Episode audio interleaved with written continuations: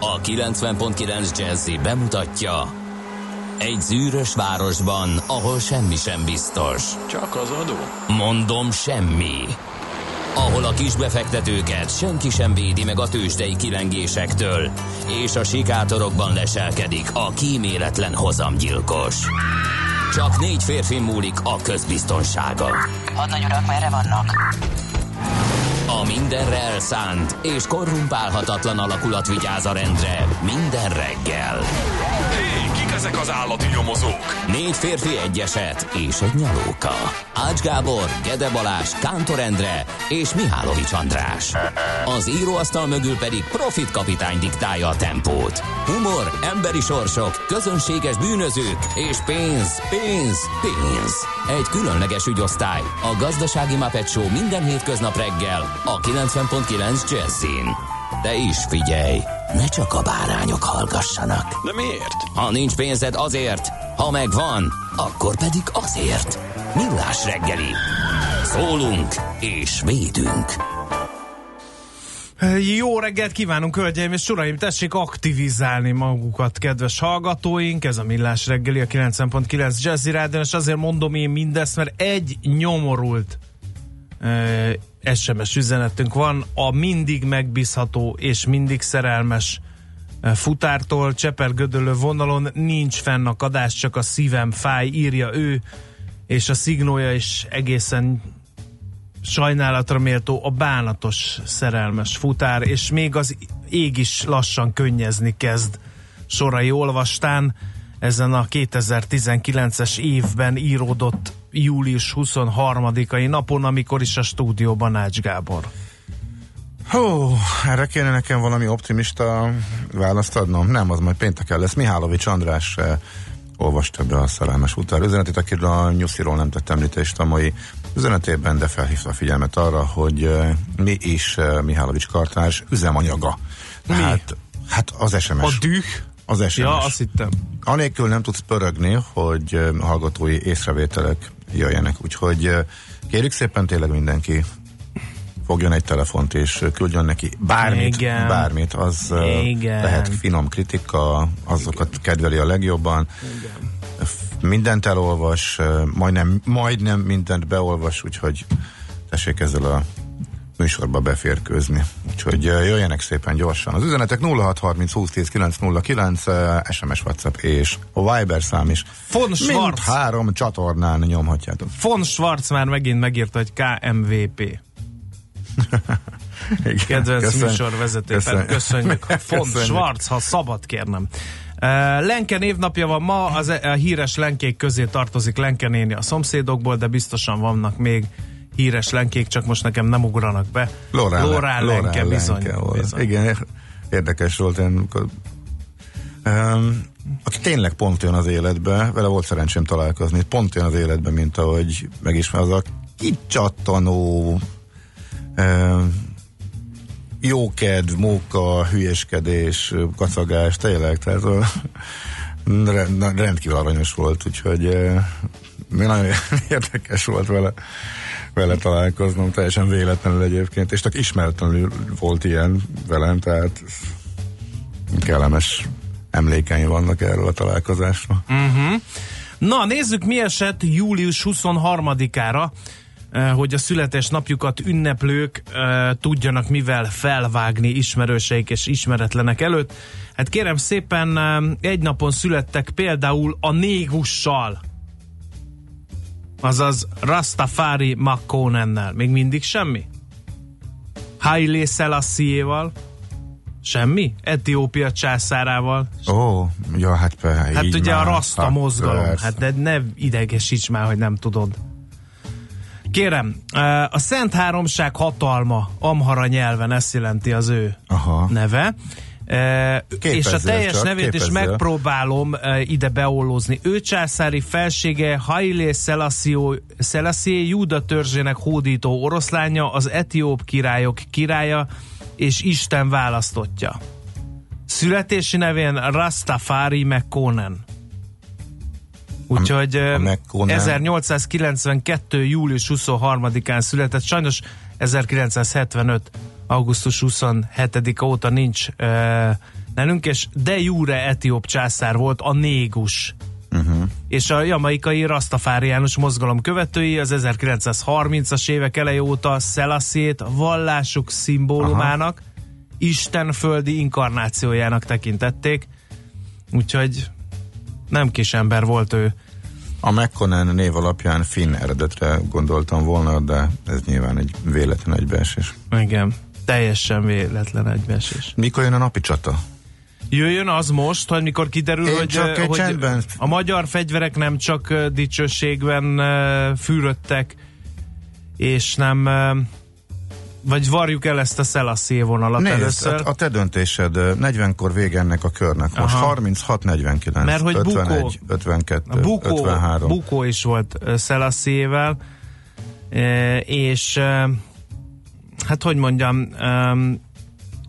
megalapult egy DERG egy bizottság, amely jogot kapott Etiópiában 1974-ben, hogy harcoljon a hadseregben tapasztalható visszaélések ellen, és hát eleinte az alkotmányos monarchiáért küzdöttek, de aztán kiderült, hogy ez mégsem olyan jó megoldás, és eltávolították a császár embereit a hatalomból, felosztották a testőrségét, a tanácsadó testületét, megfosztották a császárt a vagyonából, sajtókampányt indítottak ellene, hogy eltitkolta a világ elől a pusztító etiópiai éhénységet, és végül 1974. szeptember 12-én 82 éves korában lekénytelen volt lemondani a trónról, be is zárták, és hivatalos közlemények szerint 1975. augusztus 27-én hunyt el egy prostata műtétet követően fellépő légzési elégtelenség miatt. Valószínűleg azonban hát nemes egyszerűséggel megfojtották. 1992-ben találták meg a maradványait egy betonlap alatt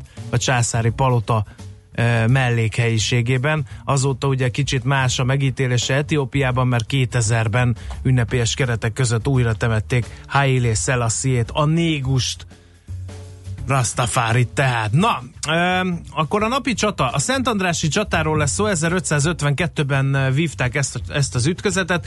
Nagyjából az, az ott, a... ahol a sörfőzde? Békés Szent András? Nem, ez a Arad közelében van. Ja, jó, oké. Okay. A, ugye, aki olvasta az egri csillagokat, az mind tudja, amikor Dobó azt mondta, hogy ö, nem áll meg sem Miskolc, se Kassa, és hogy ö, hát ö, Temesvárd ö, bevették a, a törökök, és hogy ne, ha Eger elesik, akkor nem áll meg sem Miskolc, se Kassa, Kassa biztos benne van mindenkinek a fülében ez a emblematikus mondat. Hát kérem szépen, ugye egy kicsit ez korábban volt, mert ugye július 23-án esett meg, és arról volt szó, hogy a teljes török hadsereg 1552 tavaszán 30 ezer emberrel elhatározták, hogy na akkor megint csak neki lódulnak a marosmenti várakat vették célba. Elsőképpen Kara Ahmed nagyvezír maga vezette Temesvár ostromát, és hát ugye Losonci kapitány nagyon vitézül védte, és hát volt némi pénzügyi vonatkozása, és ennek ezt ide hát ő a feleségének, Pekri Annának üzent, Losonci, az ostromlott Teme, Temesvárból, hogy hát legyen kedves, próbáljon meg erősítést küldeni, és hát ugye Pekri Anna, aki nagyon szerette a férjét és aggódott érte, mindenét pénzétette, és egy Földvári István nevű embert megbízott, hogy katonákat, lőport és élelmet szerezzenek, és, és hát ebből jött össze egy kisebb csapat, e, hajdú. Ugye ezek ilyen gyalogosok voltak, egy kicsit olyanok, mint a janicsárok, e, de hát ugye arról szokták mondani őket, hogy ilyen kemény gyerekek, ilyen marhapásztorok voltak. És hát a e, maga e, Tóth Mihály nevű ember e, vezette őket, és hát reménykedett, hogy hát összeszedett nagyjából olyan olyan 1200 embert. Ezzel akartak bemenni Temesvárba. Ez, az, ez kicsinek tűnik a 30 ezres török sereghez képest, de azért egyáltalán nem mindegy, hogy hogy 1200 ember egy várfal mögött azért hatékony ellenállást tud kifejteni, ezt gyanítom, nem kell magyarázni. Csak hogy azért 1200-an nekirongyolni 30 ezer másiknak, az nem egy életbiztosítás szerintem. Ez is teljesen egyértelmű mindenkinek. Úgyhogy a parancsnok nem árulta el, Tóth Mihály nem árulta el, hogy mi a célja a hadjáratnak, és hát szépen elindultak Temesvár felé, és mikor már átkeltek a Maroson, akkor közölték velük, hogy mi a célja. Na, ebből lett a riadalom, a hajduk megrémültek, zúgolódni kezdtek, e, minél közelebb kerültek a török csapatokhoz, annál inkább e, be voltak ijedve, többen dezertáltak, maga a parancsnok kénytelen volt könyörögni, később fenyegetni és megverni a saját katonáit, hogy menjenek tovább, és amikor elérték Temes Szent Andrást, már megint akkora lázadás tört ki, eh, hogy nagy volt az úgolódása, a helyehúja, a morgolódás, olyannyira, hogy meghallották a közelben eh, portyázó török őrszemek, riadóztatták az egyik lovasegységet, aki persze azonnal a hajdukra támadt. Na innentől kezdve teljes lett a káosz, és hát gyakorlatilag eh, néhány perces csata után szétverték ezt a kis sereget, maga a parancsnok is nagy nehezen tudott csak elvánszorogni a csatából, és a megölt hajduknak a fejét a törökök levágták, és be is hajították Temesvárba Losoncinak, hogy gondolja át, hogy mi lesz a, a követ, az ő sorsa is. Hát gyakorlatilag ezt azért idéztem fel ezt az ütközetet, mert hogy hát hajlamosak vagyunk azt hízni, hogy a török korban a végvári vitézek csak csupa kemény, és csupa bátor, és csupa ö, nagy dolgot véghez emberekből állt, hát de emberek voltak erre hívnám fel a figyelmet, akik bizony féltették az életüket, és ha lehetett, és nem volt más megáll, megoldás, akkor bizony el is menekültek. Na!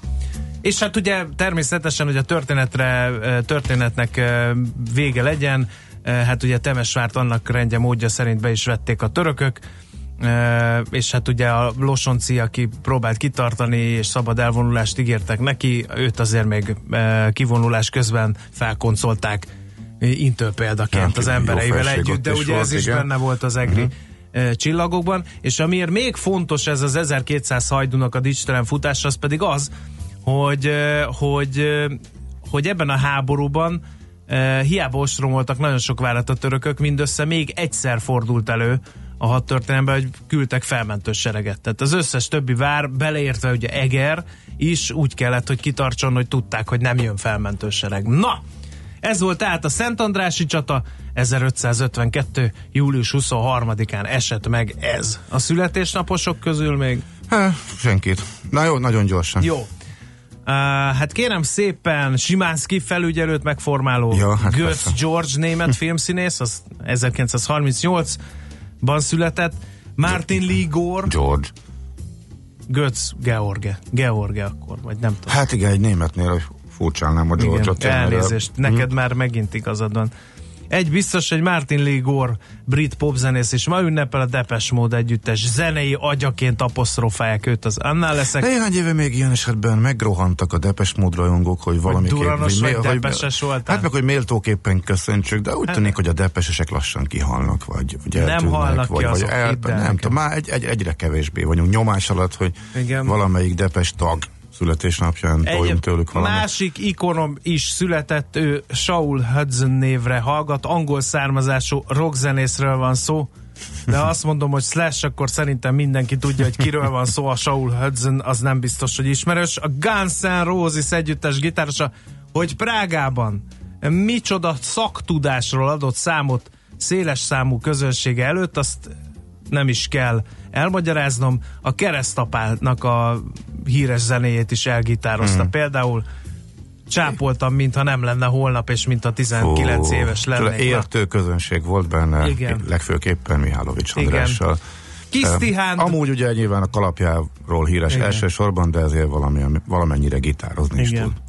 Polgár Judit magyar sakkozónak Kisztihand készcsókjainkat küldjük, volt szerencsénk vele interjút készíteni, nagyon jót beszélgettünk, és Harry Potter megformálója, aki szerintem Herótot kap, ha ezt mondják tőle, és mindent elkövet, hogy leszámoljon ezzel a skatúja szereppel, Daniel Radcliffe brit színész is ma ünnepli a születésnapját. És sajnos két elhunytunk is van, nem tudom, hogy hajlandó vagy-e tisztelegni az emlékük előtt. Cserháti Zsuzsa Emerton díjas magyar énekesnő sajnos 2003. július 23-a óta nincs már közöttünk, és ugyanezen a napon hunyt el, de jó pár évvel később 2011-ben Amy Winehouse hatszoros Grammy díjas angol énekesnő dalszövegíró is. Hát úgyhogy- még lehet, hogy mindkettőjüket elég sokat játsza a jazzy, Igen. továbbra is, és nálunk is föl szoktak tűnni, de hát majd meglátjuk, majd a tömegigény eldönti. Jó? Kire kíváncsiak? Inkább a hallgatók. Úgyhogy akkor ezt tegyük ettől függővé. Akkor egy jó depes.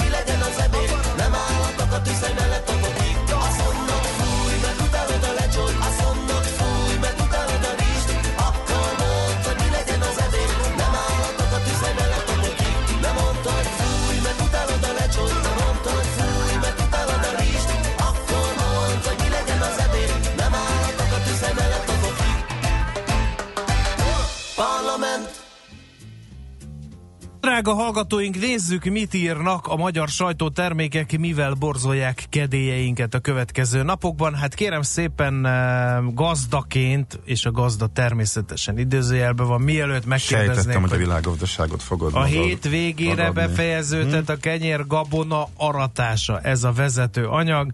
Az évelei asszás időjárás ellenére a vártnál jobb termés eredmények születtek a búza esetében. Petőházi Tamás a Gabona Termesztők Országos Szövetségének elnöke e, nyilatkozik a lapnak. A búza 20-25 százalék az elmúlt hét végén még kint volt a földeken, de ezen a héten befejezik az aratást, mondta ő.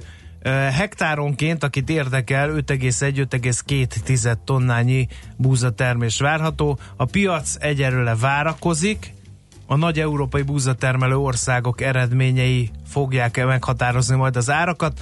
Egyébként, aki még ennél is vágyfülűbb, az jó, ha tudja, hogy az árpa lényegesen jobban teljesített a vártnál. A repszénél viszont az utóbbi évek leggyengébb termését hozta a betakarítás. Aztán e, csak neked, csak itt, csak most a Balatoni reptérben már megint fantáziát látnak, 15 millió eurós norvég beruházással hoznának létre pilóta képző központot Hévizen. Hát ottan van Dácsád, nem? Hát ezt bejelentették fél éve, és már megy. De mi az új? A döntést azzal indokolták a világgazdaságok, hogy Magyarország kedvező befektetési célpont. A projekt másik szereplője a Pilot Flight Academy. Kezdetben 60-75 tanulóval számol, a képzési idő 18-21 hónap. Független iskoláról lesz szó, a legnagyobb fapados és nemzeti légitársaságok együttműködésére számítanak, azonban a Vizer szerint nagyjából 20 millió forintnyi költséggel jár, mire valakiből pilóta lesz. Ez így van. De elég jó. Utána viszont hamar visszaszed. Elég jó diákhitelt, diákhitelszerűséget, pilóta hitel, hitelt lehet fölvenni, és Igen. ha valaki tényleg um, rászánja azt a néhány évet, és teljesen biztos abban, hogy ezt ő szeretné, meg tudja, meg ez az ő életcélja, akkor, akkor most nagyon jó lehetőségei vannak. Egyébként azon repterek élnek ezzel, ahova a forgalom nem nagyon megy, tenném hozzá zárójelben, úgy általában. Uh-huh. Kitűnő, tehát ott van Sármellék, és ahhoz képest, hogy 11 néhány éve volt ott Ryanair forgalom például, meg az akkori German Wings, a mai Eurowings is üzemeltetett járatokat, most néhány nyári csártát leszámítva évek óta semmi nincsen. Igen. Pedig ígértek már sokféle fejlesztést. Ezért Úgy, úgy tűnik, hogy, hogy letettek arról, bár nem zárja ki a kettő egymást, hogy bárki felfedezze is. De az irgalmatlan nagy légi boom sem Igen. hallott oda forgalmat Aztán érdekes módon. Gyors ír a könyvpiacról. Ö, 2018-ban 13 ezer kötet jelent meg, három év után először volt érezhető növekedés. A magyar olvasók egyébként történelmi regényeket és thrillereket szeretik. A költészetért rajongók száma viszont egyre csökkent. A hangos könyvekről van még egy érdekes adat, mindössze 1 százalék az arányuk az értékesítésben, és továbbra is a nyomtatott könyvekre vadásznak a vásárlók. Az olvasók 68%-a hagyományos könyvesboltokat részesíti előnyben, a könyvtári kölcsönzés aránya elenyésző mindössze 9%. Na te jössz. Jó, lapozgattam a népszavát. Van Paks csúszásáról, okairól, hogy már a Fideszben is ezzel számolnak. Erről van az egyik nagyobb cikk, meg ennek a hátteréről. A kivitelező Rosszatom forrásaink szerint továbbra is vért izzad a mindegy, a mintegy 150 ezer oldalnyi doku- engedélyeztetési dokumentáció előállításával. Val, Ben, hoz, igazad van. től, Én már nem merem, el, van? nem merem elkezdeni a következő mondatot, mert hogyha semmi, mindenkinek van. így haladok, akkor abban négyszer fog beletörni a nyelvem. Ha ez elkészül, akkor az oroszul készülő anyagot még le kell fordítani magyarra, az egészet ellenőrizni kell szakmai szempontból, majd az esetleges módosítási javaslatokat egyeztetni az orosz féllel, a tervek benyújtása után még mindig 12 hónap az engedélyeztetési folyamat, 3 hónappal meghosszabbítható, tehát 15 hónap minimum. Ha bármi komolyabb változtatásra szükség van, akár további határidőmódosítás, vagy a szerződés feltételeinek megváltoztatása, mindkettő fölmerült már egyébként a kormány részéről, akkor jogszabályt kell változtatni. Ezzel nagyon kö- közel kerülnek a 2022-es választáshoz, és egy érdekes félmondat, nem, ö, hogy ez honnan jött, de hogyha mondjuk onnan, tehát fideszes politikusoktól, akkor elég érdekes ez az elszólás, hogy 22-től már nem számolnak a mostanihoz hasonló kormánytöbbséggel, magyarul a két, kétharmaddal érdekes. Ilyet még, ilyet még eddig nem hallottam figyelj! senkitől mondani. Várjál, van még, van De még, még van egyet ad mondjuk. Igen? Magyar nemzet, ez az egy van. Magyar nemzet, címlap, minden szavarany. Na. Tücsköd bogarak etetnének velünk a zöldnek álcázott üzleti körök. A szöcske, a tücsök és a lisztkukac is terítékre kerülhet hamarosan az Európai Unióban, miután ezen állatok élelmezési célú engedélyezését kérték piaci szereplők, miközben széleskörű felhasználásuk számos élelmiszerbiztonsági kérdést vett fel. Az Európai Élelmiszerbiztonsági Hatóság várhatóan már a következő években megalkotja a biztonságos rovartenyésztésre és feldolgozásra vonatkozó iránymutatásokat, majd az Európai Bizottságnak kell döntenie arról nyilvántartásba veszi az új élelmiszereket. Az Agrárminisztérium a magyar nemzet megkeresésére azt közölte, hogy az uniós szintű döntés mellett nemzeti hatáskörben is szabályozható az étkezési célú rovarok forgalmazása. A tárca azt hangsúlyozta, a rovarok tenyésztése a hagyományos állattenyésztési gyakorlattól eltérő élelmiszerbiztonsági minőségbiztosítási gyakorlatot igényel. Aggályos például, hogy a rovar alapú élelmiszerek potenciális allergén hatása de veszélyesnek minősülnek a rovarokkal terjesztett lehetséges kórokozók, baktériumok, vírusok, paraziták, gombák. Hát állítsuk Nagyon meg Brüsszelt, különben lisztkukacot teszünk, nem hús krumplival. Na még akkor két dolog a név. Most, most egész kitett magáért a népszava. A tegnapi bődületes blama után, amikor a lap tulajdonos megíratta, hogy már szakította szocialista képviselőjelölt barátnőjével. Hú, volt, igen. hú, nagyon ennél- főleg az utolsó ennél kis, nagyobb égés azért kis igen, compliance megjegyzés, hogy lap, lapunk Igen, tulajdonosa.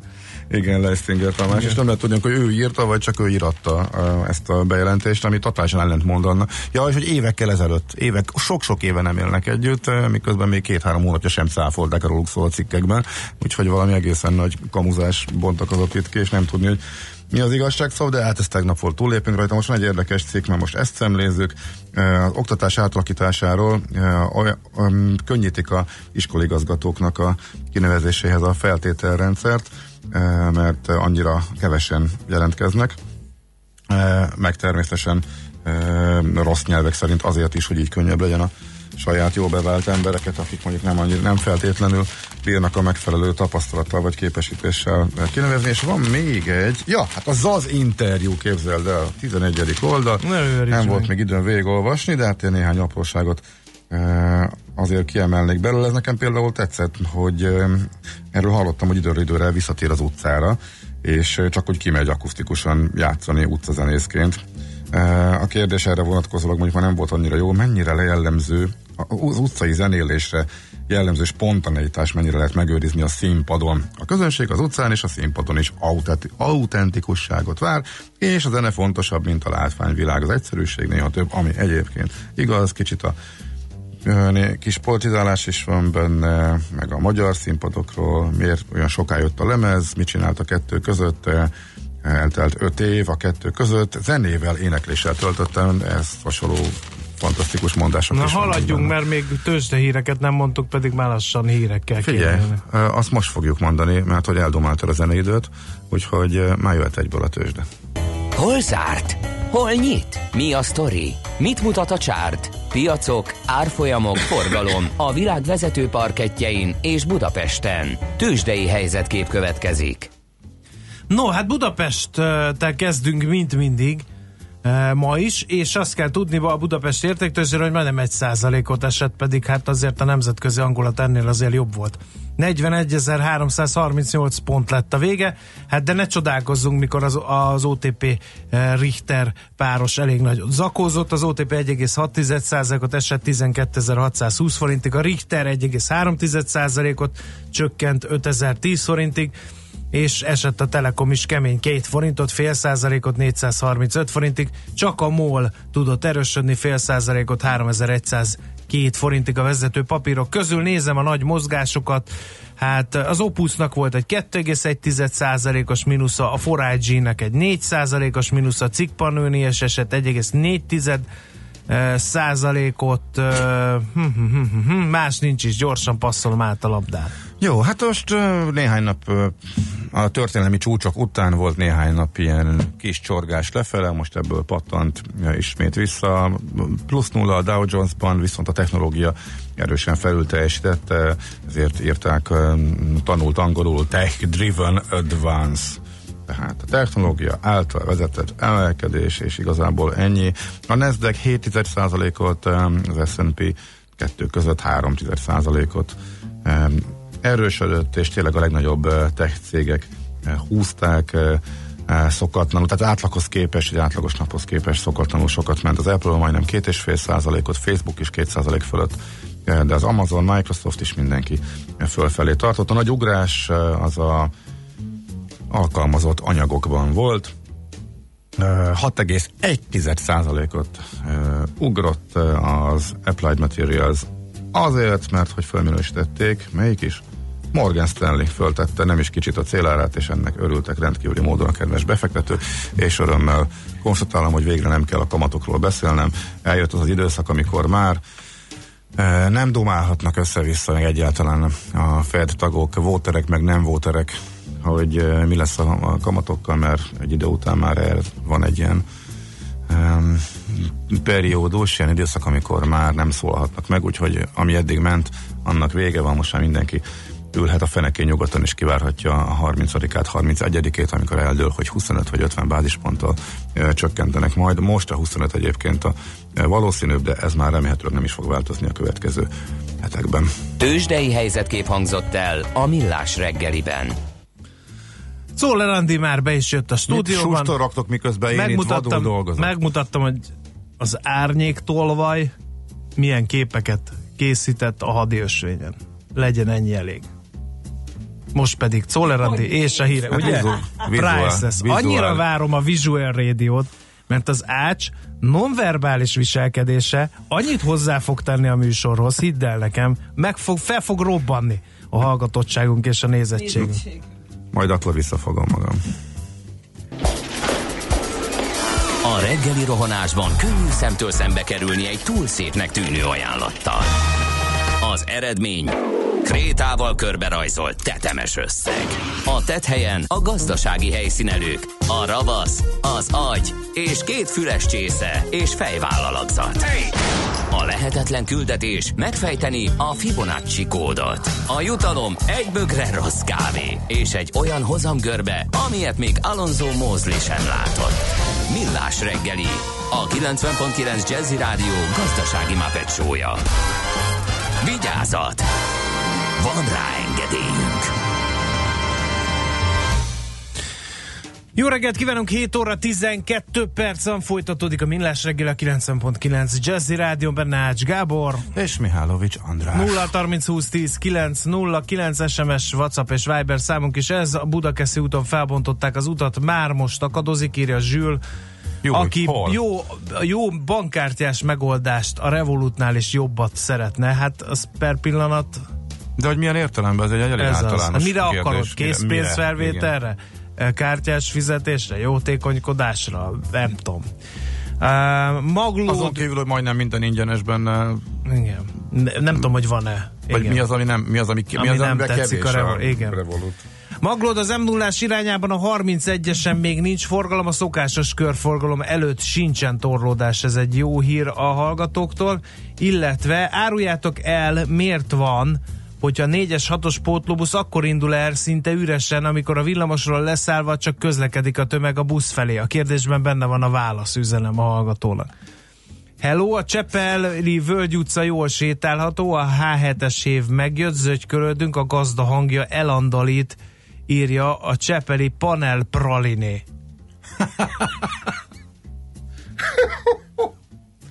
Igen, De na ilyenek jönnek. A személyes Remélem, ír- Jézus... Ír, még nekünk, mert szerintem még többször is mulatni fogok A ezen. személyes néven. Jézus valamelyik feldolgozása belefér? Hát ö, meglátjuk, mit tehetünk, de Amy Winehouse-tól az imént hallhattatok már egy örökbecsült. Na, de mm, dolgozzunk, dolgozzunk, mert témák vannak szépen számosan terítéken, például a mostani rovatban is. Budapest, Budapest, te csodás! Hírek, információk, érdekességek, események Budapestről és környékéről. No, hát mezőrök vannak Budapesten. Már a cím szerintem felkelt és sokak érdeklődését. Ólát Csabát a Rákosmenti Mezei Őrszolgálat intézmény vezetőjét tárcsáztuk. Jó reggelt kívánunk! Jó reggelt kívánok! Nincs itt valami ellentmondás, kérem szépen. Budapesten mezőr. Uh, nyilván egy kicsit furcsán, furán hangozhat ez a dolog, de, de nem. Uh, gyakorlatilag azért azt látni kell, tudni kell, hogy, hogy Budapest több uh, számos kerületében található rengeteg zöld felület. A mi területrészünk, ami öt önkormányzat külterületi részét fedi le, az gyakorlatilag majdnem 10 hektár, és hát itt végezzük a Uh-huh. törvény által előírt feladatainkat. Mit, milyen törvényi által előírt feladatai vannak egy mezőrnek? Mit kell csinálnia? Hát gyakorlatilag, amit a törvény előír számunkra, az a, a zöld területek védelme. Uh-huh. Nyilván nem szabad összehasonlítani egy vidéki mezőrnek a munkája, ugye általában a veteményesek, kukoricások, gabonatáblák védelme. Itt Budapesten két óriási nagy feladatunk van. Az egyik az, ami az év 365 napján előfordul, hogy az illegális hulladékleragásoknak a felszámolása, uh-huh. megakadályozása, illetve a falopások, ami nyilván a téli időszakra terjed ki. Uh-huh. Beszéljünk először az illegális hulladék lerakása. Mit tud tenni egy mezőr? Cirkál ezeken az elhagyatott zöld területeken, és ha ott ilyet tapasztal, akkor megállítja a szemet előtt? Vagy, vagy mit, le, mit tud tenni? Igen, ugye a következő helyzet, hogy a mezőrnek, amit sajnos kevesen tudnak, gyakorlatilag ugyanolyan jogköre van, olyan jogkörrel rendelkezik, mint a rendőr uh-huh. külterületi részeken. Tehát autót megállíthat, igazoltathat, visszatarthat, lefogalhat, stb. De nyilván akkor van egyszerű dolgunk, viszonylag egyszerű dolgunk, amikor tettenérés van. Tehát az illető kirakja a szemetet, mezőr kollega pont látja, lefotózza, levideózza, megírja a helyszín a feljelentést. Sajnos az eseteknek a, a, a 3-4 százalékában van így. A, a többi esetben pedig nyilván az van, hogyha találnak a kollégák egy szemétkupatot, akkor felveszik a gumikesztyűt, áttúrják, és a benne található iratok alapján ö, tesszük meg a feljelentést. Uh-huh. Önkormányzatnál, rendőrségnél, kormányhivatalnál. Uh-huh. Gyanítom, nagyon elterjedt jelenségről van szó, és valószínűleg ezért hangzott el, hogy ez a fő feladatuk a mezőröknek Budapesten. Ez visszaszorulóban van a bírságolás, vagy a fellépés hatására az illegális szemétlerakás, vagy, vagy sajnos ez egy olyan jelenség, aminek nehéz gátat szabni Budapesten? Én úgy gondolom, hogy sajnos nem. Tehát stagnál. Az elején, amikor elkezd, tíz éve működik egyébként a Rákosmenti mezőjörszolgálat ö, Budapest 5 kerületébe, talán volt egy, egy, egy nagyon pici csökkenés, de vannak olyan kerületeim, ahol, ahol sajnos stagnál. Az a helyzet, hogy szerintem egy-két generációnak még fel kell nőnie ahhoz, hogy agyba rendet rakjunk. Ugye rengeteg szemétszedést szervezünk, de ezek mind olyan felületi, tüneti kezelések, amivel nyilván a probléma nincs megoldva. Én nekem meggyőződésem az, hogyha itt iskolás korba elkezdjük a gyerekeket esetleg nevelni a környezettudatos életmódra, ö, életvitelre, akkor talán egy-két generáció múlva fog csökkenni ez a uh-huh. probléma. A másik az pedig az illegális uh, fakitermelés vagy uh, favágás, uh, ami a fő tevékenységükként elhangzott a mezőröknek. Ezt hogy kell elképzelni? Mert ugye Már, itt- már mint a védekezés. már mint a ellen, vagy igen, mert, hogy, mert hát ugye az is időről időre felkerül, főleg amikor smogriadó van, hogy Budapesten bizony nagyon sokan, főleg a külső kerületekben nagyon sokan fűtenek még mindig fával, és ez okoz némi levegőszennyezés, nem is kicsit. Igen, így van. Ugye hát a favágás az nyilván a, a vegetációs időn kívül, tehát a téli időszakban jellemző. Nagyon komoly, tehát ugye a, falopás most már a törvényi háttérnek köszönhetően bűncselekménynek minősül.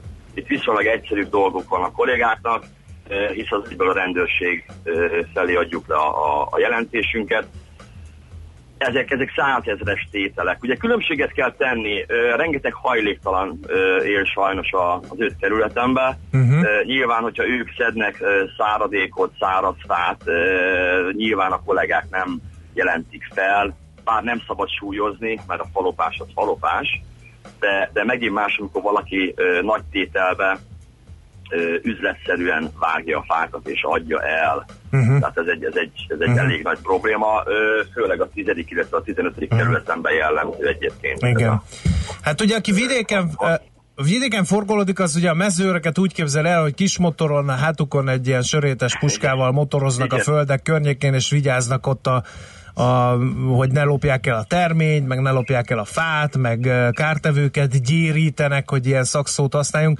És erről jutott eszembe, Igen. hogy ugye a főváros környékén is jellemző az, hogy a vadak bebejárnak a lakott területre. Az is mezőri feladat? Tehát hát Rákosmenti igen, mezőőrszolgálat? Igen?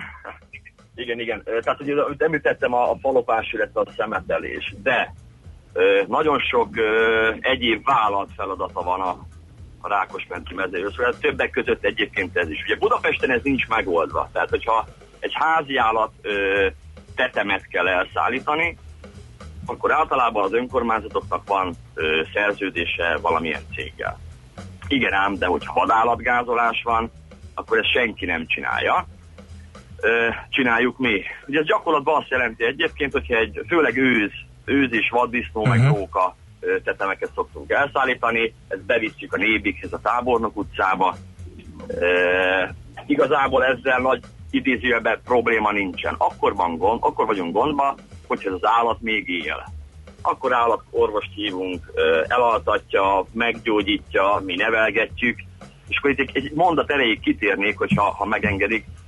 Van nekünk egy tanyaudvarunk, ami most van, hát jövőre fogjuk átadni egy közel egy hektáros területen, ahol őshonos magyar házi állatfajtákat tartunk, és ö, oda szoktuk befogadni ezeket az állatokat, nevelgetjük, és amikor már felépültek, akkor elengedjük.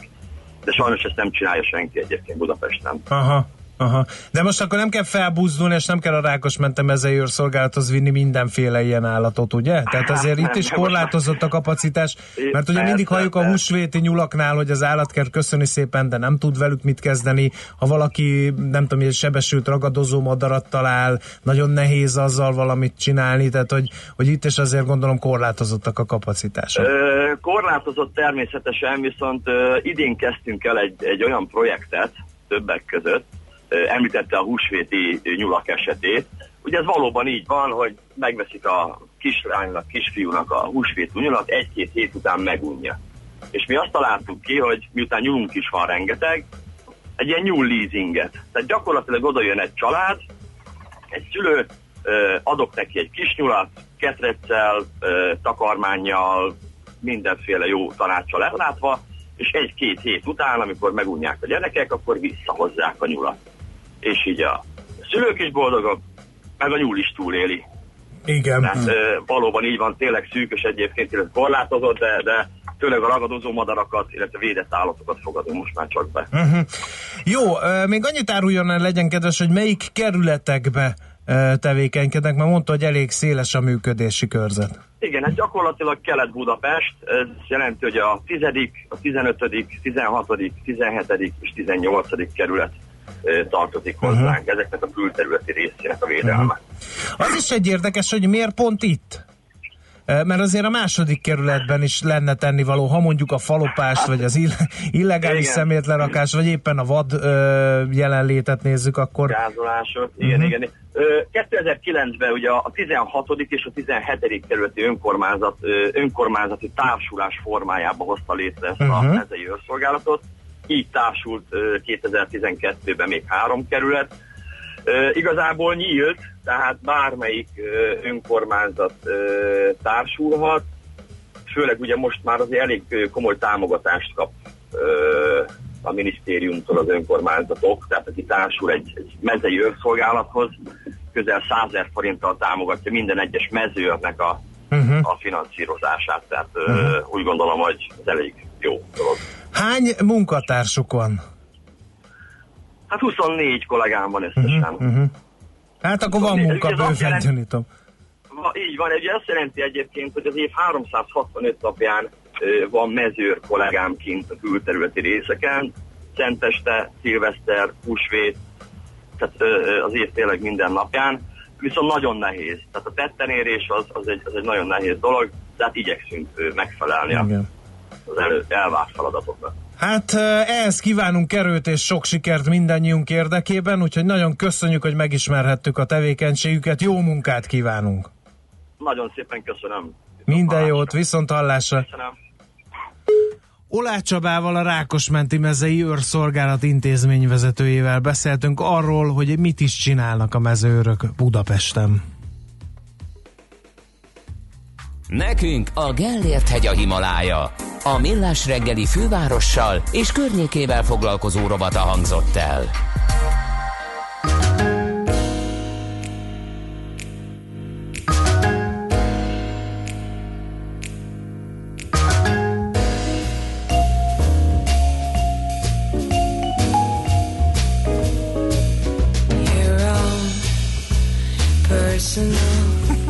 Jesus. Someone to hear your prayers,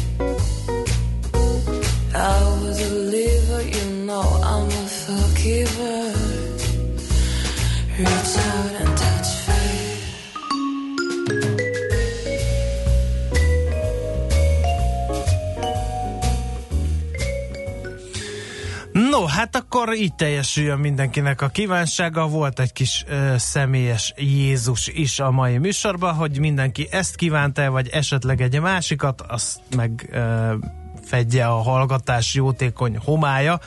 Mi pedig azonban megyünk már tovább, ugyanis azt írja a lap, hogy átalakul a felnőtt képzés, és mivel ugye, amikor a jövőről beszélünk, digitalizációról, meg, meg változó világról, meg 21. 22. századról, akkor a nagy koponyák egyetértenek abban, hogy ez az a kora az emberiségnek, amikor mindenképpen mindenkinek élethosszig tanulnia kell, különben eliramlik mellette a világ, úgyhogy cseppet sem mindegy, hogy mi lesz a felnőtt képzéssel.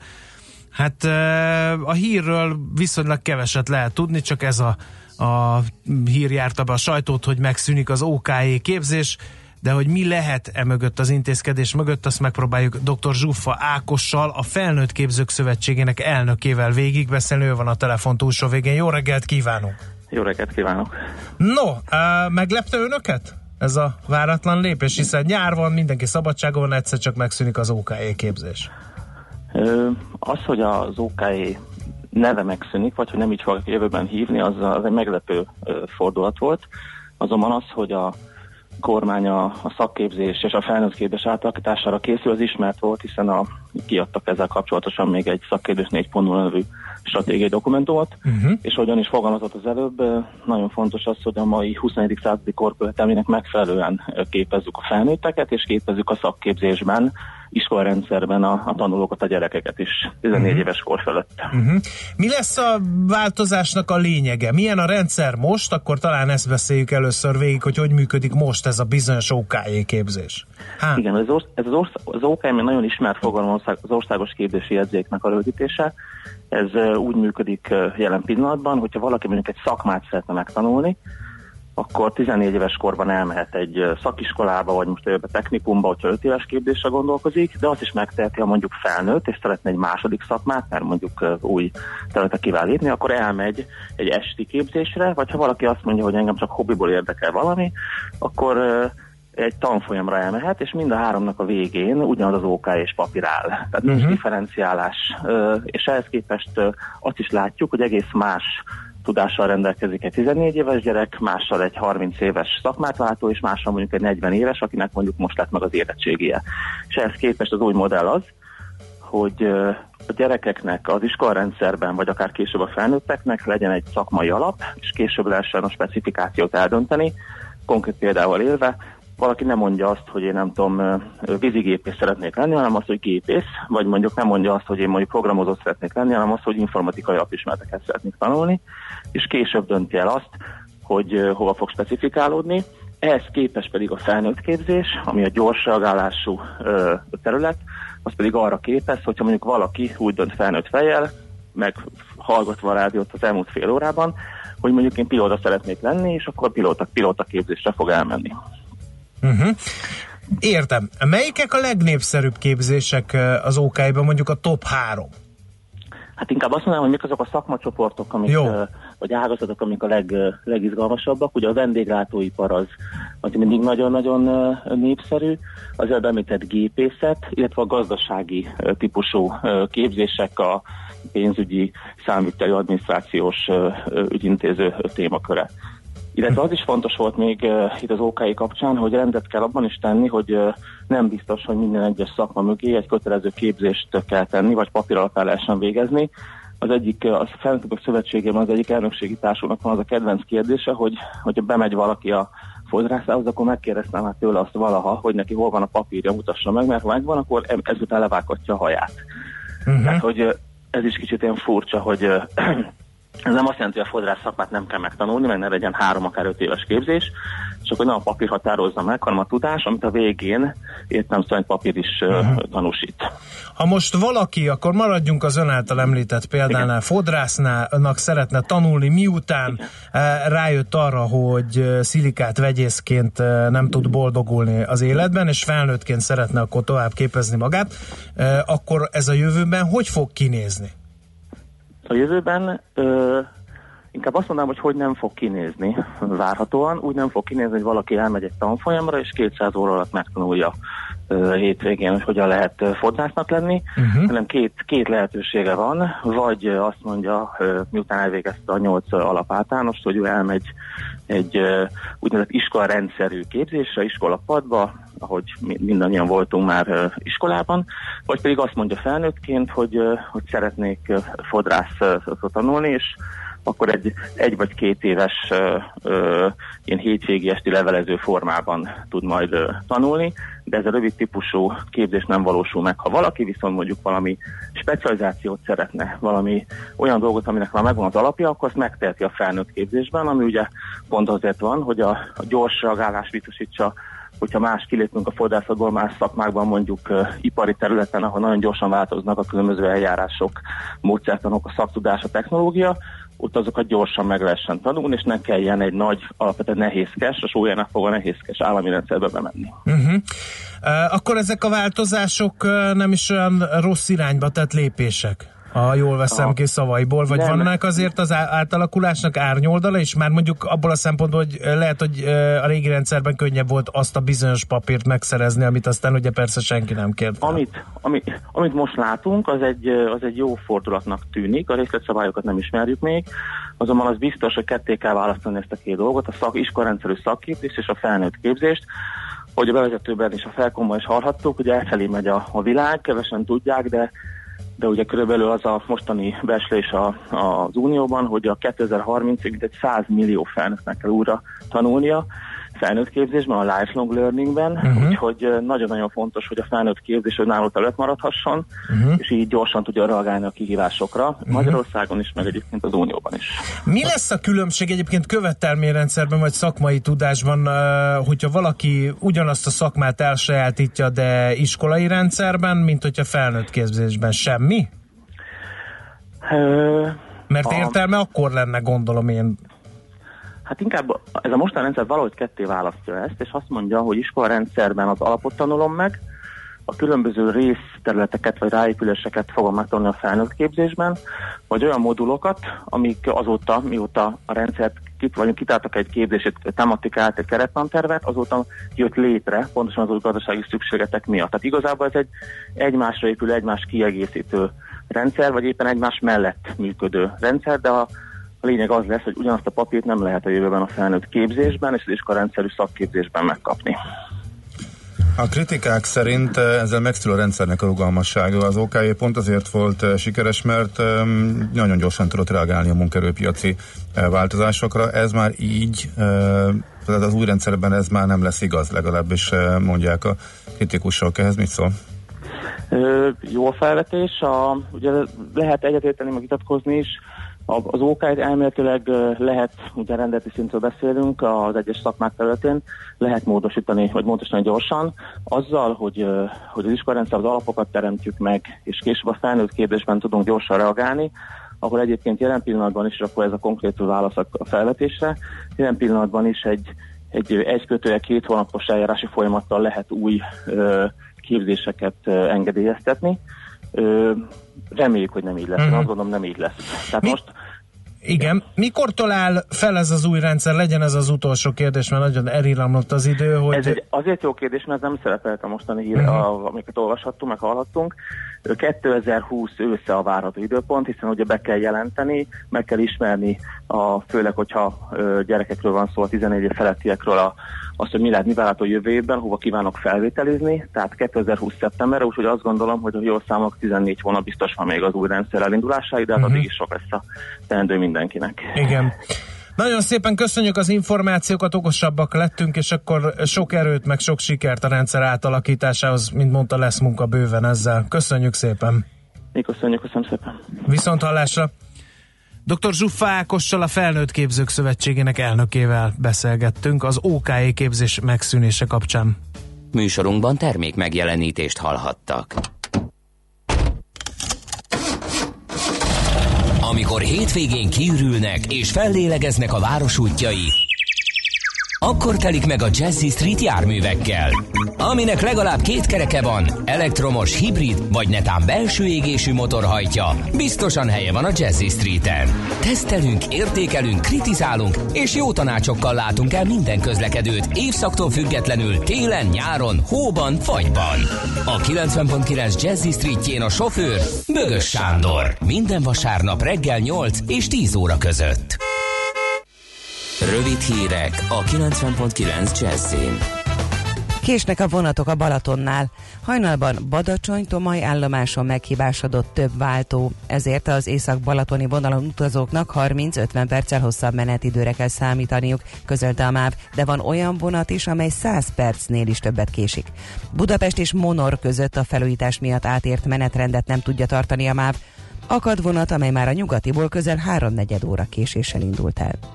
Nem állnak meg a kormányzati építkezések a budai várban. Az egykori lovarda, a főőrségi épület és a stököl lépcső visszaépítése után kivitelezőre vár a Csikós udvar déli részének építése is. A közbeszerzést a várkapitány írta ki. Becsült ellenérték nélkül, írja a közbeszerzési közlönyre hivatkozva a napi.hu. Az ötszintes épület földszintjén kialakítanak egy új fogadóteret büfével, ajándékbolttal és ruhatárral. Az első emeleten lenne a Szent István terem, a többi szinten kiállítóhelyek lesznek. Nagy átalakításokra készül a Tesco. A cég közép-európai vezérigazgatója a Magyar Nemzetnek elmondta, megszüntetik a nem jól teljesítő területeket, például a műszaki termékek értékesítését. Lecsökkentik az eladó teret, és a felszabadult helyet divatmárkákat árusító üzleteknek, pénzváltónak, éttermeknek, gyógyszertáraknak vagy épp a postának adják bérbe. Nagyon rosszul szerepelt Magyarország a jogállamiság helyzetét értékelő listán, írta a Helsinki Bizottság.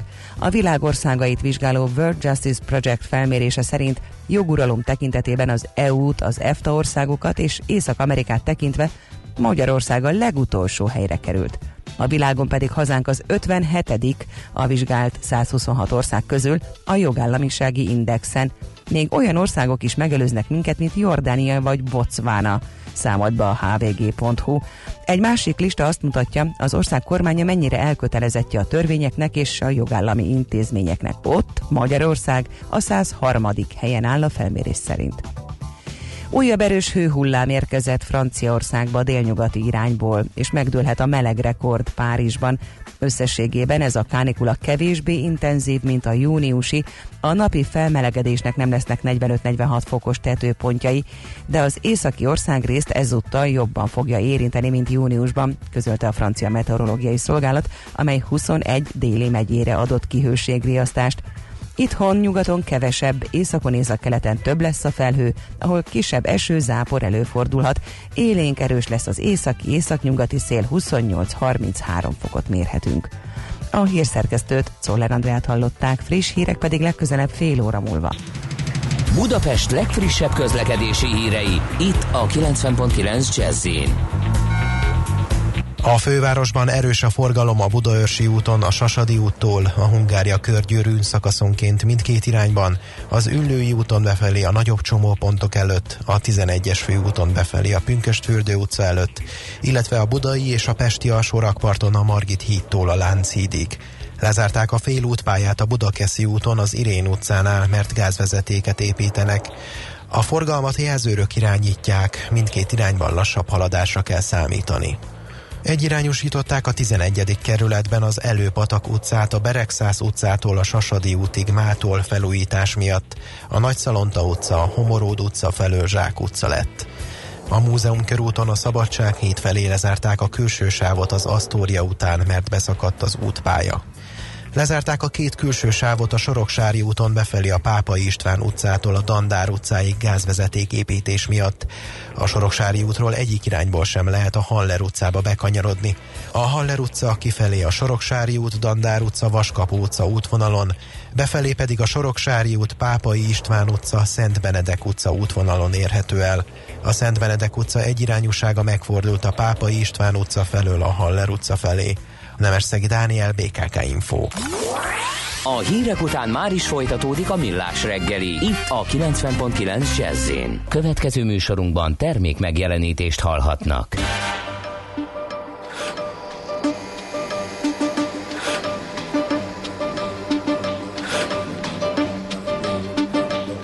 C'est de fin, fin, fin, c'est de freaky down, mais c'est de fin, fin, fin, c'est de freaky down, mais c'est de fin, fin, fin, c'est de freaky down, mais c'est de fin, fin, fin, c'est de freaky down, eh. fin, fin, c'est de freaky down, mais c'est de fin, fin, fin, c'est de freaky down, mais c'est de fin, fin, fin, c'est de freaky down, mais c'est de fin, fin, fin, c'est de freaky down, eh. Miss Woo, woo, woo, woo, woo, woo. Miss Woo, woo, do, do, do, do, do, do, do. Miss Woo, woo, do, woo, woo, do, better, Miss Woo, better, do. Uh. Miss Woo, woo, do, better, Miss Woo, Freedom,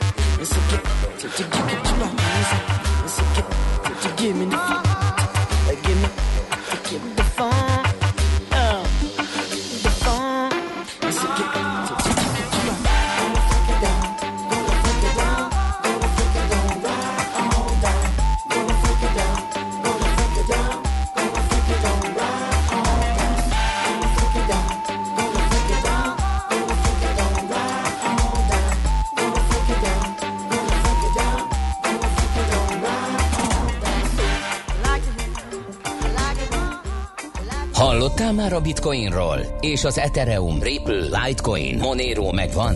Hallgass a kriptopénzek világáról és a blockchain technológia híreiről szóló rovatunkat. Kriptopédia, hogy értsd is, mi hajtja az új devizát. No kérem, hát a vonal túlsó végén akkor Debreceni Barna, állandó szakértőnk, az online kriptobroker, a MrCoin.eu alapítója. Szervusz! Nem tudom, mit kívánjak, mert nem... Jó estét! Jó estét Jó kívánok! reggelt nektek! Nekünk jó, jó estét. igen. Nagy ez a világ, vagy éppen kicsi, mert most is ugye a tengeren túlon vagy, és így beszélgetünk. Hát kezdjük akkor szokásosan a piaci hírekkel, volt itt minden eh, a bitcoin árfolyamában. Na hát a múlt héten ugye arról beszéltünk, hogy 10 ezer és 13 ezer dollár között pattogott a bitcoin. Most egy kicsit benézett 10 ezer alá, majd gyorsan visszapattant, most 10.243 dolláron állunk, ez 5% mínusz a múlt héthez képest. Um, a kereskedési volumen az viszont folyamatosan nő, tehát most uh, illetve a napi tranzakciós érték, tehát az a mennyiség, amit a, a bitcoin hálózaton ténylegesen átutalnak, az most uh, átlépte a 3 millió dollárt. Uh, a Milliárd. forgalom. 3 milliárd dollárt, igen. Igen. Igen, igen, igen. Nem, 3 millió az egy kicsit kevésnek. Tehát ez 3 milliárd dollárt az egy, egy, egy napi tranzakció 3 Mhm. milliárd dollárt át, át, átlépte. Ez nagyjából a magyar ö, forgalomnak fel, meg egyébként ez a magyar ö, banki, ö, bankközi clearing rendszernek a forgalmának uh-huh. felel meg nagyjából. Figyelj, ilyenkor mi van, mert ugye mindig bitcoinozunk, de hát azért egy csomó kripto fizetőeszköz van még forgalomban, és azt is tudják a rovatot állandóan fürkészők, hogy ezek általában együtt mozognak a bitcoinnal. De ezeket a Igen. széles kilengéseket is produkálják? Ö, igen, ez igazából medve vagy bikapiac függő. Most nagy, nagyjából egy mozog, tehát az, az Ether ugyanígy mínusz 5%-ban van múlt héthez képest, akkor a Ripple mondjuk plusz 1%-ban, a Litecoin plusz 5-ben, tehát ez még nagyjából az együttmozgásnak felel meg. Azért ugye uh, itt azért uh, sokkal nagyobb uh, béták vannak, mint a hagyományos piacokon, mert ugye kevés a forgalom, kevés a likviditás, és ezért, ezért kevesebb pénzzel nagyobb árfolyam lehet um, produkálni, de ez a mínu- mínusz 5 plusz 5 százalék, ez nagyjából a együttmozgásnak értékelhető. Van egy-két kivétel, tehát mondjuk van a Bitcoin SV, ami 36 százalék plusz csinált múlt héthez képest. Na, arról mesélj, Um, mert ez önmagában is egy érdekes dolog. Hát a a Bitcoin első, az a Bitcoin Satoshi Vision, ami ugye van ez a csaló, a Craig Wright, ez az ausztrál, um, tényleg egy csaló, um, aki azt állítja magáról évek óta, hogy ő Satoshi. Most épp uh, van egy uh, bírósági pere, ahol uh, rendre nem tudja bebizonyítani, hogy ő Satoshi, uh, de ettől függetlenül a milliárdos haverjával, aki nem tudom, pornó és online kaszinóból szedte meg magát, um, folyamatosan manipulálják a piacot, és pumpálják fel az árfolyamot össze-vissza, meg lefelé, tehát ez teljesen normális, hogy egy 36%-ot csinál múlt héthez képest, ez kb. annyit jelent, hogy öm, aludtak múlt héten, mert tényleg annyira, annyira gyenge a, az order book, hogy, hogy, hogy bárki be tudja mozgatni, de igazából ezekre a coinokra szerintem nem is érdemes annyira figyelni, tehát in- inkább tényleg azok az érdekesek, amik um, ami jelentős újítást tartalmaznak, vagy valamilyen módon más vagy máshogy csinálnak, mint mondjuk a, a- az Ethereum, vagy a, vagy a Binance. És az Ethereum-ba csomagolt bitcoin?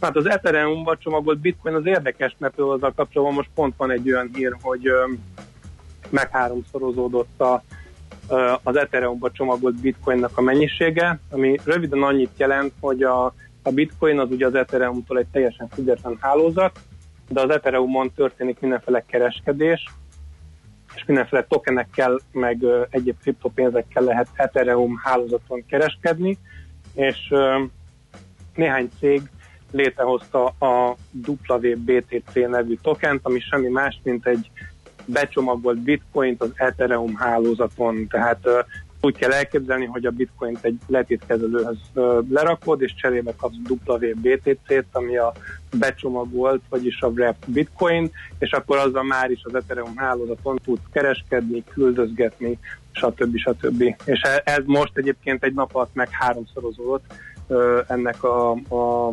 mennyisége, úgyhogy És akkor ezzel ugyanúgy lehet kereskedni, mint a többi coinnal? Igen, igen, igen. Hát főleg, hogy, hogy ugye Ethereumon vannak decentralizált tőzsdék, amik a, ami azt jelenti, hogy ö, nincs mögötte letétkezelő, ezért nem tudod a Mhm. tőzsdét feltörni, ö, és ezeken ugye Ethereum alapú tokenekkel tudsz csak kereskedni, hiszen Ethereum hálózaton van, és akkor kitalálták ezt a becsomagolt bitcoint, ami azt jelenti, hogy a, a bitcoinnal is tudsz az Ethereum hálózaton kereskedni, például ezeken a tőzsdéken. Uh-huh. Oké, okay, nézzük a piachoz kapcsolódó híreket. Én azt uh, olvastam, uh, hogy Kínában uh, kimondta egy bíróság, hogy virtuális vagyontárgya bitcoin. És ez azért lehet fontos, mert ugye Kína kimondottan ellenségesen viszonyult a kripto uh, devizák, valuták világához.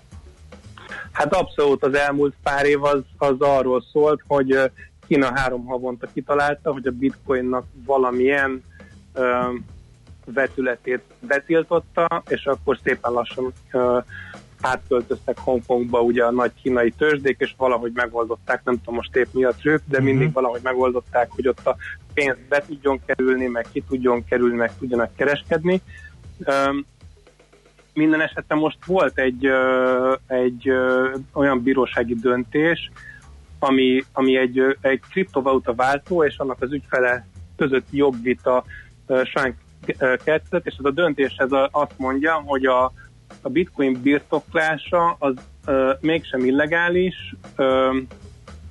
és, és sőt, konkrétan azt mondja, hogy ez egy virtuális vagyontárgy, mert hogy a bitcoin rendelkezik azokkal a tulajdonságokkal, amelyek a vadon, vagyontárgya le- jellemzőek, vagyis ö, szűkös, elidegeníthető és, és értéke van, és ezért ö, elnevezte virtuális vagyontárgynak, ami, ami ez, ezzel gyakorlatilag legitimálta a bitcoint Kínában valamilyen formában. Ettől függetlenül továbbra is illegális bitcoin tőzsdét üzemeltetni, de maga a bitcoinnak a birtoklása az már teljesen legális, és, ö, és virtuális vagyontárgyként el van Mhm. ismerve, és ezt a, kö, a, a kínai jegybank is egy pár nappal később elismerte. Mhm. Látunk még egy ilyen érdekességet. Ugye korábban mondjuk jó sok hónapon keresztül arról beszéltünk, hogy a bitcoin szenved, meg volt ez a e, kriptotél, amikor nagyon alacsony volt az árfolyam, és úgy, mint elfordultak sokan a kriptodevizáktól, de közben És temették is. pénz Hogy- áramlott a, a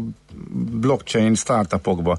És most elindult fölfel a bitcoin, azt gondoltam volna, hogy akkor még több pénz áramlik, de ez képest meg, hogy éppen visszaesik, még ráadásul nagy mértékben a, a Ethereum-mal foglal, illetve a hálózat, a, eh, bocsánat, a blokkláncba fektető, illetve a blokklánccal foglalkozó, azt fejlesztő eh, startupokba áramló pénz. Ez, ez miért lehet? Erről egyébként beszéltünk is, nem tudom, emlékeztem, amikor emlékeztek, talán másfél éve lehetett, Miami-ba hívtatok. Uh-huh. Miami-ba voltam, és akkor hívtatok, és pont arról beszéltünk, hogy, hogy itt Amerikában már az látszódik, hogy hogy egy kicsit kimennek a divatból a blockchain startupok, és jön vissza újra a kriptopénz. Nálunk meg még pont fordítva van, tehát a ciklusnak az, az, az, az előző része van, amikor amikor mindenki a, a blockchain hype-ban ég, ég és akkor um, azt mondja, nem, nem bitcoin, hanem blockchain, és ugye uh, nagyon sokat segít az, az, hogyha ránézel a bitcoin árfolyamára, tehát hogyha, hogyha megy fel a bitcoin, akkor, akkor a kriptopénzekre tippel, um, kockázati tőke befektetőként általában, és hogyha van egy medvepiac, akkor meg inkább a blockchain startupok, de annak azt mondod, hát Mhm. a bitcoin az annyira mégsem, meg hát mit tudom én, 20 ezerről 3 ezerre visszament az árfolyam, és akkor nyilván inkább valamilyen, nem tudom, értéklánc transzparencia startupba fektet. Tehát Az ugyanazok a befektetők máshol teszik Igen, a pénzt igen, ide igen. és oda, és akkor uh-huh, oké, okay, így sokkal Igen, és most igazából el, el, eljött az, az idő megint, hogy akkor most mégiscsak a kriptopénzek Uh-huh. az, ami az érdekes, és a blockchain az kevésbé. Hát annyi a hír egyébként, hogy a ugye ö, 18-ban 1,8 milliárd dollárt fektettek be kockázatőke alapok, blockchain startupokba, most meg csak 500 millió dollárt, és ez, hogyha kihúzunk évvégéig, akkor se lesz több mint egy milliárd dollár. Um, Na de figyelj Barna, pont ezért szép, hogy azért a Forbes-nak a következő milliárd dolláros startup 2019 listájára mégis felkerült. A- egy egy igen. kriptovalutákkal foglalkozó cég. Igen, de az pont kriptovalutákkal Uh-huh, foglalkozik. az pont nem blockchain. Uh-huh. Igen, igen, tehát ugye a, a, a Chainalysis uh, lett most a következő uh, unicorn, és ugye unicornisnak hívják Silicon völgybe azokat a startupokat, amik legalább egy milliárd dollárt érnek. Uh, és, uh, és a Chainalysis az, az pont azt csinálja, hogy a, a publikus blockchaineken, hát főleg a Bitcoin és az Ethereum láncon egyébként, um, és talán a kettő közül inkább a Bitcoin blokkláncon ö, gyakorlatilag egy, ö, ö, egy ilyen ö, adatelemző ö, szolgáltatást ad vagy tesz lehetővé. Tehát ők, ők például arról híresek, hogy megtalálták az MT Gox-ból ellopott 650 ezer bitcoint, ami mai áron kb. 2000 milliárd forintnak felel meg. Ez a, Hát az nem tudom, szép. Szép Az kincslelet, igen. Az MTGOX volt a világ legnagyobb bitcoin tőzsdéje 2013-ig kb. és akkor a kereskedési volumen 80%-a rajta keresztül ment át. Aztán kiderült, hogy az a rengeteg pénz, amivel ott kereskednek, annak a fedezete nincs meg, mert azt szépen lassan ö, valamilyen hacker csoport nem tudom, két-három év alatt kiszivattyúzta, és ezt teljesen el, ö, elveszettnek ö, gondolták, és akkor jött a Chainalysis, és ők abból lettek, abból lettek ki igazából, hogy ezt a pénzt megtalálták, és végül ö, többletartóztatás is történt, és ők most ö, gyakorlatilag a, az ő üzletük az arról szól, hogy ö, tehát a, a tevékenységnek a központja az a kriptovalutákhoz köthető pénzmosás, csalás, jogsértések vizsgálata, és a, a, gyakorlatilag ez egy ilyen pénzmosás ellenes szoftver, és az ügyfeleiknek a fele az, azok bűnöző, bűnöző szervek, tehát Mhm. Mindenféle, nem tudom, pedofil csoportokat segítenek elkapni, Aha. drogkereskedőket, stb. Stb. Ez sokat mondó, hogy ezzel ebből lettek ők unikornis, és erre ekkora igény volt, de jól csinálják, az meg örömteli. Na, Barna, nagyon szépen köszönjük, nagyon izgalmas volt ismét. További kellemes, további jó munkát, mert végül is azért munka gyanánt vagy. Én most elkezdek dolgozni, nektek meg akkor további Igen. Uh, szép napot és jó munkát nektek Oké, okay. is. neked meg jó pihenést, jó utána. És jó éjszakát, szia! Debreceni Barnával beszélgettünk, tehát uh, hú, mi is Barna titulusa? Hát elmondom én neked, hogyha Van. fizetsz egy uh, tömény szeszes italt. Uh, online kriptobroker, a MrCoin.eu alapítója. Vicceltem, én nem fogyasztok alkoholt soha.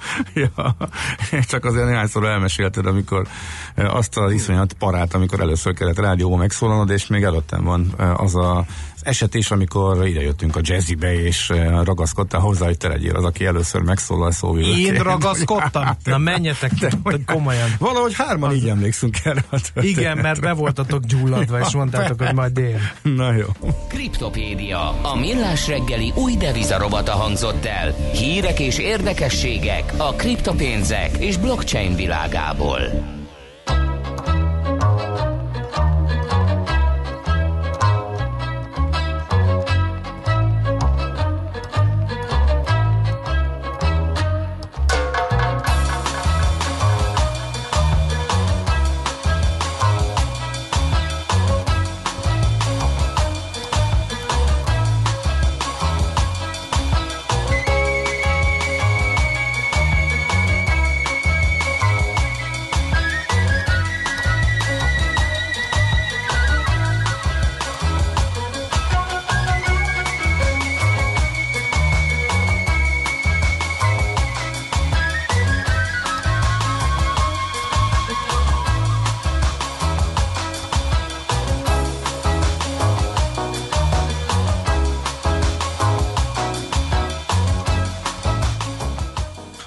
Reggelt, az M1 M7-es bevezetője 50 km per órával halad, írja Judit, aztán a személyes Jézus feldolgozáshoz jött egy vitriolos kritika. Ez a szám úgy viszonyul az eredeti verzióhoz, mint a magyar foci a nemzetközi labdarúgáshoz, írja a hallgató. Mi? Sokkal több pénz van benne? Igen, Ja, ja. ezek szerint. Aztán kérdezi valaki, hogy az Alacskai úti erdőben miért nem járnak a mezőrek? Hát nagy a terület, sokat tennivaló gondolom én. Azért a ZAZ interjút honnan szemlézte Ács Gábor? Népszava. Jó, az Ez is a megvan. 11. oldal. Igen, hát ezek jöttek, úgyhogy át is eveznénk gyorsan a hírblokkra. Szóler Andi lesz a hírolvasó. Én ma, ma, ma nagyon nincselkedtek egymással. Mi, mi, mi folyik itt? Korszerű híradás technikai eszközeinken Szerintem nyaralni volt mindenki, és nem Igen. láttuk egymást hetek óta, és most képeket mutogat. Képeket, a te nyaralásodról, Hát meg ő az övéről. beszámoló, és ő is a vadonból. Na hát Mindenki a vadonban volt, csak te nem. jó. Én majd megyek. Na, jöjjön Szóler Andi a hírekkel.